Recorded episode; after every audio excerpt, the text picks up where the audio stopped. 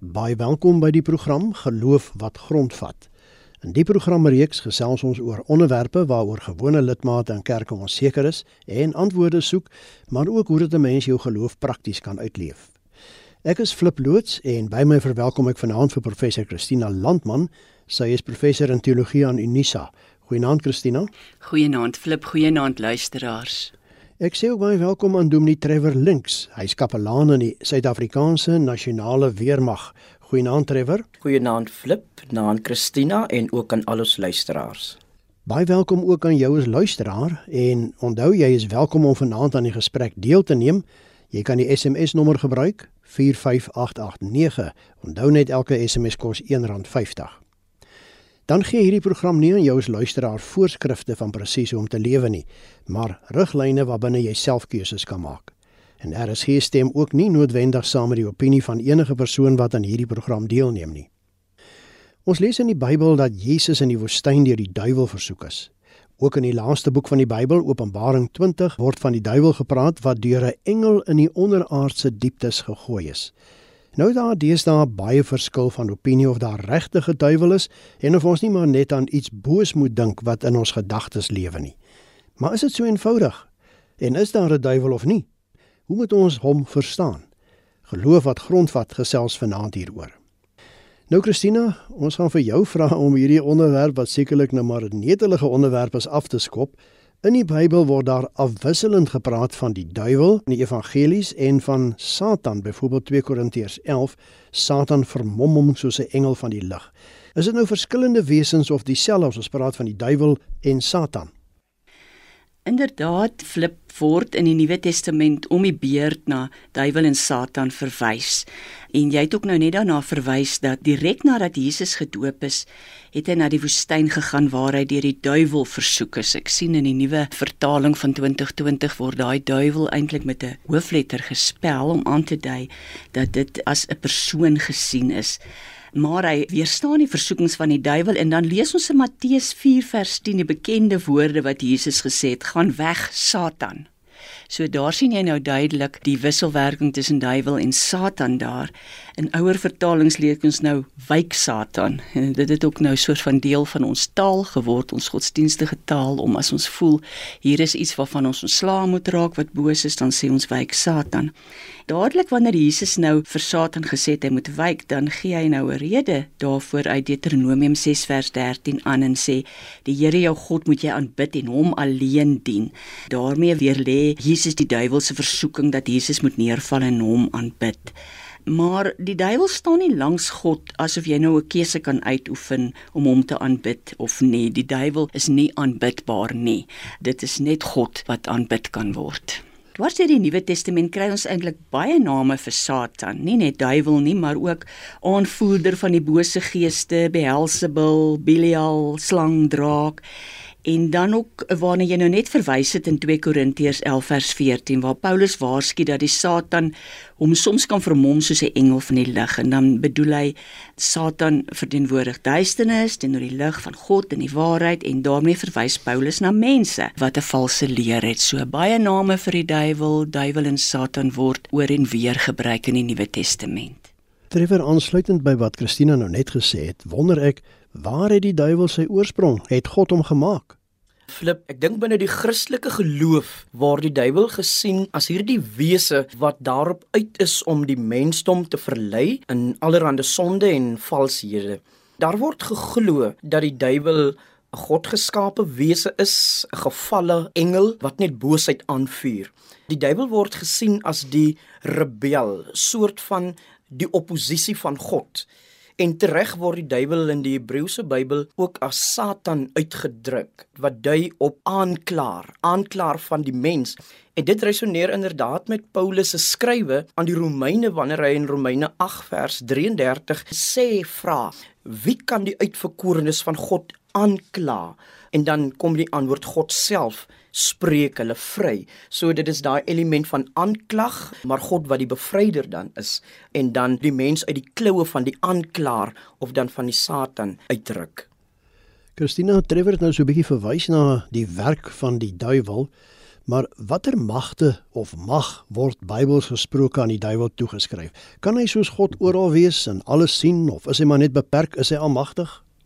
Wel in die Ou Testament lees ons 'n skamele 3 keer van Satan en hy's altyd 'n onderdaan van God. En die bekendste is ons nou in Job waar Satan toestemming kry om Job te tuister om sy geloof te toets. Ons lees nie regtig in die Bybel wat Satan se oorsprong is nie. Die Bybel verduidelik dit glad nie. In die vroegste verwysings na Satan staan hy nie teenoor God nie. Hy is 'n soort van 'n verleier van mense en dikwels onder eh, God se toesig ook, né? Later kry Satan nou 'n meer selfstandige funksie waar hy soos Paulus sê in 1 Tessalonisense 2 vers 18 mense verhinder om God se plan uit te voer. En in Openbaring en ook soos wat Trevor nou uit Romeine aangehaal het, is hy die aanklaer, die een wat die kerk wil verwoes, die een wat met 'n uh, eh, valse leerstellings kom. Eintlik is die hooffunksie van Satan en die duiwel is om toe te sien dat die sonde voortgaan en dat enige plan van God om die goedheid in die wêreld voort te sit dat dit ondermyn word. Maar natuurlik altyd met daardie verwysing dat God is die sterkere en in God is in beheer. Trevor, hoe moet ons die duiwel verstaan? Letterlik of maar net figuurlik? Wel flip genuanceerd sou mens van die duiwel kon praat ook as die bose. En dan praat ons van 'n uh, figuurlike persona wat die duiwel aanneem. As ons die Bybel ernstig opneem, veral die versoeking van Jesus in die woestyn, dan was die duiwel 'n letterlike realiteit vir Jesus. Job het die werking van die duiwel letterlik aan sy lyf gevoel. En ek dink nie 'n mens moet die duiwel te ligtelik opneem nie. Ek dink letterlik of figuurlik, Bybels gesproke, was dit 'n letterlike persoon, maar waarna ons ook soms figuurlik na kan verwys. Jy luister na RSG met die program Geloof wat grondvat. Ons gesels vanaand oor hoe moet ons die duiwel verstaan? Ek is Flip Loots en my gaste is professor Christina Landman en Dominee Trevor Links. Luisteraars kan gerus saamgesels deur middel van die SMS nommer 45889. Onthou tog net elke SMS kos R1.50. Christina, ek dink daar's baie wat vanaand luister wat wonder, hoekom is daar 'n wese soos die duiwel? Watter rol speel hy dan nou in die wêreld? Flip, ek het nou ter voorbereiding van hierdie program vir 'n hele paar mense, dat ek nou maar in aanhalingstekens sê gewone gelowiges gevra Wat is die duiwel? Wie is die duiwel? Hoe sien julle die duiwel? En telke male was daar eers 'n bietjie van 'n geskokte stilte en ek weet nie hoekom nie. Is dit omdat hulle wil sê maar weet jy nie? Ons weet tog almal wat is die duiwel en die antwoorde het dan ook telkens gekom en gesê die duiwel is die een wat ons die verkeerde dinge laat doen. Maar dit kan ook dalk wees dat mense nie wil antwoord nie omdat hulle nie meer in die duiwel glo nie en dat hulle dan maar die standaard antwoord gee van dat die duiwel jou goed laat doen omdat dit dan die dominee tevrede sal stel as hy so sal sê. Ek dink vir die meeste evangeliese lidmate dit is lidmate wat verkies om vanuit die Bybel hulle geloof aan te spreek en dit definieer. Sal vir jou sê die duiwel is 'n personifikasie van wat met die wêreld verkeerd is. En ons daaraan herinner dat ons nie in die mag moet kom van die duiwel of die bose nie omdat dit die slegte in die wêreld sal voorsit en versterk. En ek dink ons sal wel onder die meeste van ons lidmate 'n keuse sien dat hulle kies vir 'n persoonlike geïnkarneerde, kan ek amper sê, duiwel. Trevor, as ek so kyk na prente verhale en ek kyk selfs op die internet as mens nou daar intik duiwel of satan, dan teken hulle die duiwel as 'n wese in 'n rooi pak klere. Daar's horings op die kop, 'n lang skerpend stert en 'n drietand vurk in sy hand. Is dit nou korrek? Hoe lyk die duiwel dan? Sal ek hom herken as hy my probeer verlei?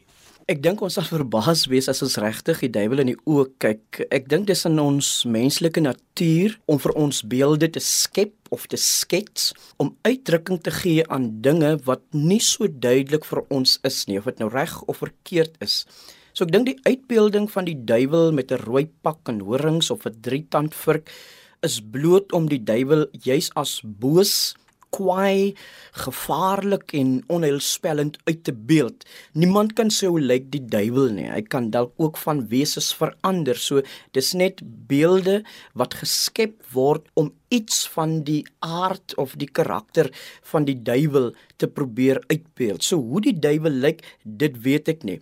Maar ek vermoed wanneer iets onheil of boos dreig, dan het jy met die duiwel te doen. Iemand het by geleentheid gesê as jy twyfel oor iets, dan moet jy dit liewers los of dan is dit klaar boos, dan is dit waarskynlik verkeerd. En daarom het Jesus ook sy disippels leer bid in Matteus 6 vers 13: Lei ons nie in die versoeking nie, maar verlos ons van die bose. En miskien kan die Bybeluitleggers en vertalings ook vir ons sê hoekom die bose juis in 'n hoofletter geskryf word. Dalk dui dit juis direk op die duiwel, die Satan. Christina, hoe moontlik is dit vir 'n mens om weerstand te bied teen enige moontlike aanval of verleiding van die duiwel se kant af? Filippus tog die boodskap van die Bybel dat dit wel moontlik is om die slegte en die bose in die wêreld te oorkom. Ek meen ons word almal oorweldig deur die boosheid. Die Bybel is wat vir ons die moed gee dat dit wel oorkom kan word en dat ons wel hier op aarde die koninkryk van God in 'n mate kan uitbou en daarmee die duiwel se grense terugstoot. En die vraag is dan maar word mense boos gebore? En moet ons dan probeer om hulle reg te ruk en hulle te gryp uit die hande van die bose? Of word mense goedgebore en word hulle dan deur die bose verlei om verkeerde dinge te doen? En dit is 'n groot vraag in die teologie wat nie regtig ooit ordentlik beantwoord word nie Dit lyk op die oomblik asof teoloë nie vreeslik baie aandag gee aan die duiwel nie. Dis asof hulle hom 'n bietjie uit die teologie uitgeskryf het of nie meer dink dit is belangrik om oor hom te skryf nie, maar dat die duiwel dan nou as een is wat die bose verteenwoordig en baie sterk en gewone lidmate in sy beskouing van die wêreld en die koninkryk van God bestaan. Trevor daar's baie mense wat beweer dat praatjies oor die duiwel sinneloos is. Nou ons praat ook vanaand daaroor en ek dink baie gaan dalk so voel en dat jy nie 'n duiwel agter elke bos moet uitskop deur byvoorbeeld te praat van 'n drankduiwel, 'n seksduiwel, 'n geldduiwel, ag en so kan ons seker aangaan nie. En jou kommentaar hieroor? Wel iemand het by geleentheid gesê ek wil nie te veel die duiwel krediet gee nie. Maar ek dink in al hierdie duiwels wat jy genoem het, dis maar bloot spreekforme op die ou einde van die dag om te sê wanneer iets vir ons sleg is. En ek dink dit dui bloot maar op 'n oordadigheid van die saak ter sake. Ek dink die idee van 'n duiwel is in ons spreektaal gemunt en dit is daarin afgeets en of ons nou in die duiwel glo of nie dis amper vir my dieselfde soos iemand wat die Here se naam uitelik gebruik in swetsing al is die persoon 'n ateïs of glo nie. So ek dink nie wanneer ons praat van geldduiwel of die drankduiwel dit is bloot terme wat ons dalk gebruik om te sê wanneer iets sleg is en ons eintlik 'n afkeer daarin het of juis moet waak in die oordadigheid daarvan. Dit is RSG met die program Geloof wat grondvat en ons gesels vanaand oor hoe moet ons die duiwel verstaan. Ek is Flip Loots en my twee gaste is professor Christina Landman en Dominee Trevor Links. Luisteraars kan gerus saamgesels. Jy kan die SMS nommer gebruik 45889. Onthou net elke SMS kos R1.50. Christina, hoekom word daar ook na die duiwel verwys as die draak of die slang? Die vierhoë draak van Openbaring 12 vers 13 is maar die slang van ouds wat vir Eva verlei het in Genesis 3 en dis ook die duiwel. Ons het gesien dat die bose in die Ou Testament dikwels as 'n draak voorgestel word. In Psalm 74 vers 14 is daar die Leviathan wat 'n draak is. Ek dink daar is waarskynlik ook beïnvloeding vanuit die Griekse mitologie dalk daar waar daar dikwels sprake is van 'n draak wat 'n magtige kind wat gebore is wil wegruk en dan ook reg kry om die kind weg te ruk by die ma waar dit dan nou nie heeltemal so gebeur in Openbaring nie. Kyk ons het nou gesê in die Ou Testament is daar maar net 3 keer sprake van Satan. In die Nuwe Testament, soos Trevor ook gesê het, het Matteus, Markus, Lukas wel klem daarop geplaas dat Jesus die duiwel as 'n persoon beleef het. En dan sien ons dan nou hier in die apokaliptiek in Openbaring en alle boeke wat eintlik oor die uittyd gaan dat daar geweldig baie oor die bose, oor die duiwel, oor die slang, oor die draak gepraat word wat die wêreld tot 'n verkeerde einde wil bring, maar wat met 'n geweldige weerstand dan en 'n oorwinning deur God, sy engele en die kerk Trevor dit was die skrywer C.S. Lewis wat gesê het dat mense of die duiwel ernstig opneem of hom ignoreer. Wat sê jy? Watter is die korrekte manier? En moet ons hoegenaamd oor die duiwel praat? Wat vir my interessant is in die Bybel is die verhaal van Job. Die duiwel was die direkte oorsaak dat alle slegte dinge oor Job en sy vrou se lewe gekom het. Hulle het hulle kinders verloor. Ons ken die verhaal. Maar nêrens in die boek Job lees ek dat Job self eintlik die duiwel blameer het nie. Hy het eerder by homself fout gesoek. So Job kon ook dalk beter vriende gekies het want die was nou nie juis die mees simpatieke klomp nie. Maar in ieder geval Job het bly glo in God. Hy het half die kern van sy ellende ignoreer, naamlik die duiwel. Wat dit is die gesprek met God dat die duiwel gesê het: "Gee my kans om aan hom te vat en dan sal jy sien of hy nog sodanig aan u sou glo." So ek is nie so seker of ons die duiwel kan ignoreer nie. Jy kan hom probeer ignoreer, maar hy sal weer vind om te sê luister, ek is nog in die omgewing. Christina aansluitend by wat Trevor nou gesê het, ja, jy hom nie eintlik kan ignoreer nie. Sommige mense beweer dat alles wat verkeerd loop in die wêreld van die duiwel afkom. Is dit reg so? Beteken dit dat hy sterker as God is deur sulke dinge te laat gebeur, selfs met Christene en God magteloos laat? Ons leer mos God is in beheer van die wêreld. Ek dink flip dat ek nou reg kan sê dat ek met groot openhartigheid kan preek dat God is in beheer en God is sterk. Mense kan dit preek by begrafnisse waar mense geliefdes verloor het waar hulle heeltemal verslaan, stom geslaan is en nie weet hoekom het dit gebeur nie. Mense kan dit preek by mense wat nou in hierdie tyd hulle werk verloor het Mense kan dit preek vir mense wat se kinders op dwelms is, ouers met gebroke harte. Mense kan dit preek vir kinders wat nie 'n toekoms sien nie. Dit is die sentrale tema van die Christendom dat God is in beheer. God is nie magteloos nie. Waar die bose ook al vandaan kom, hoe sy gesig ook al lyk, in die finale uitspraak kan jy jou na God rig. Ek het altyd 'n ouderling gehad wat vir my gesê het, "Nee, ek preek te veel oor die genade genade. Ek preek te veel oor die hoop en die toekoms. Ek moet dan nou weer 'n slag oor die sonde preek en dan vat ek nou 'n stukkie uit Jeremia en ek vat al die sonde wat hy daar beskryf en ek gooi 'n woord soos kroeg en shebeen en ontrou en so aan in. Dan kan ek sien die ouderling is nou baie tevrede met my. Dan kan ek nou weer 'n paar keer oor die genade en die hoop preek. As ek dit nie kan preek nie, as ek net heeltyd oor die duiwel moet preek en hoe jy vir hom moet uitkyk en hoe hy jou gaan bykom en hoe al hierdie verskriklike dinge wat jou oorgekom het eintlik straf is vir jou sonde, dan sal ek nie meer op die preekstoel klim nie. Trevor, kom ons gesels net so vir ou laas 'n bietjie oor waar pas die duiwel in in die Christelike lewe op aarde en hoe verstaan ons Jakobus 4 vers 7? Ons lees mos daar onderwerp julle dan aan God. staan die duiwel te en hy sal van julle af wegvlug. Beteken dit ons is tog dan uiteindelik 'n bietjie sterker as die duiwel? Flip ek vermoed die Here laat die bose toe om in ons lewens te wees om ons 'n opregte hart en verhouding met hom te probeer bewerkstellig. Dink die teenwoordigheid van die duiwel op aarde is heel moontlik om by die Christen ook standvastigheid te probeer kweek en verleidinge en versoekings te te staan. Dis dalk ook die rede waarom dit in die onsse Vader gebed ingesluit is kyk getrouheid is soos glas. Wanneer dit eers breek dan is dit nie meer dieselfde nie. Maar die Bybel leer ons ook dat die gees van God ons in alles bystaan. Dis weer eens Paulus wat in Romeine 7 vers 24 skryf ek ellendige mens wie sal my van hierdie doodsbestaan verlos? Die bose is altyd om ons en daarom moet ons bid vir elke dag se lyding vir genade en ons moet altyd vir God vra om vir ons 'n onderskeidingsvermoë te gee. Dis jy Salomo wat gevra het, Here gee my wysheid dat hy wysheid mag bekom.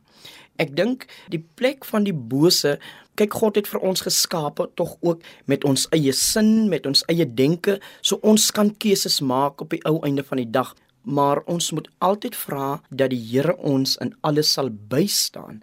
En ek dink nie die duiwel is al op aftrede in die flip en daarom moet ons elke dag bid vir bevryding en verlossing van die bose. Den besluit as ek soms so na kerkmense kyk, dan wonder ek of die duiwel nie dalk al werkloos is nie want baie mense doen nou sy werk. Met ander woorde Christina, so ten besluite, ons het vanaand gesê, ons kan eintlik tog nie die duiwel ignoreer nie. Ek dink flip in ons dag en dae kan ons in elk geval nie die bose ignoreer nie. Ons kan nie sê dat daar nie iets soos boosheid is nie. Die meeste van ons verkies omdat ons die Bybel daarin volg om die bose as 'n duiwel te personifiseer, maar of dit nou net gedagtes in jou kop is of hoe jy ook besluit om met die bose om te gaan, die bose is daar en dit gaan nie van self weg nie.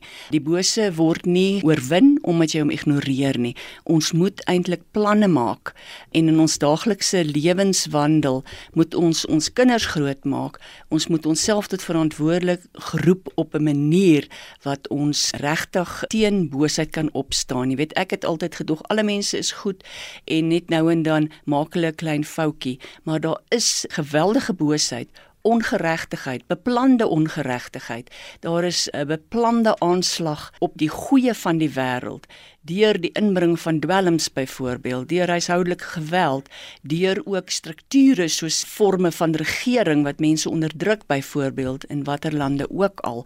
Daai goed is beplande forme van boosheid en word op 'n manier beliggaam wat ons die duiwel sou noem of wat ons dit ook al wil noem, maar daarteen moet ons besliste planne maak. So dis die ewige stryd tussen lig en duisternis. Ek dink in Bybelse tye en veral in die Nuwe Testament en veral in die Apokaliptiek en Openbaring en so, is daar baie wat ons maar sal noem dualistiese denke. Denke dat goed en sleg teenoor mekaar staan. Dis lig teenoor duisternis. Dit is Christus teenoor die duiwel ons kan miskien tog wel 'n treukie gee om ook te kyk na hoe ons die goeie uit die slegte uit kan voortbring of hoe dat dinge in 'n wêreld gebeur wat ons nie net kan verklaar in terme van goed en sleg nie. En ek dink teoloë moet ons daar baie sterk lei en miskien ophou bang wees vir die duiwel en baie goeie leiding gee daar dat ons in 'n wêreld waar daar geweldige boosheid is, 'n goeie lewe kan lei waar ons nie net dink ons kan alles oplos deur te sê dit is goed, dit is sleg en nou het ons die antwoord nie. Nou ja, daarin nou dan, dit is al 'n vanaand se geloof wat grondvat. Ek sê baie dankie dat jy as luisteraar saamgekuier het. Nou dankie ook aan my twee gaste, professor Christina Landman en Dominee Trevor Links vir hulle bydraes. Christina, Trevor, indien van ons luisteraars nou verder met julle wil kommunikeer, hoe kan hulle dit doen? Christina? Ek sal 'n WhatsApp waardeer by 082 377 2574 en Trevor ook 'n WhatsApp of iemand wil bel of iemand kan net 'n SMS stuur. My nommer is 066 204 2599. En my kontakinligting is flip@mediafocus.co.za. Ons groet dan hiermee tot aanstaande Sondag dieselfde tyd. Totsiens.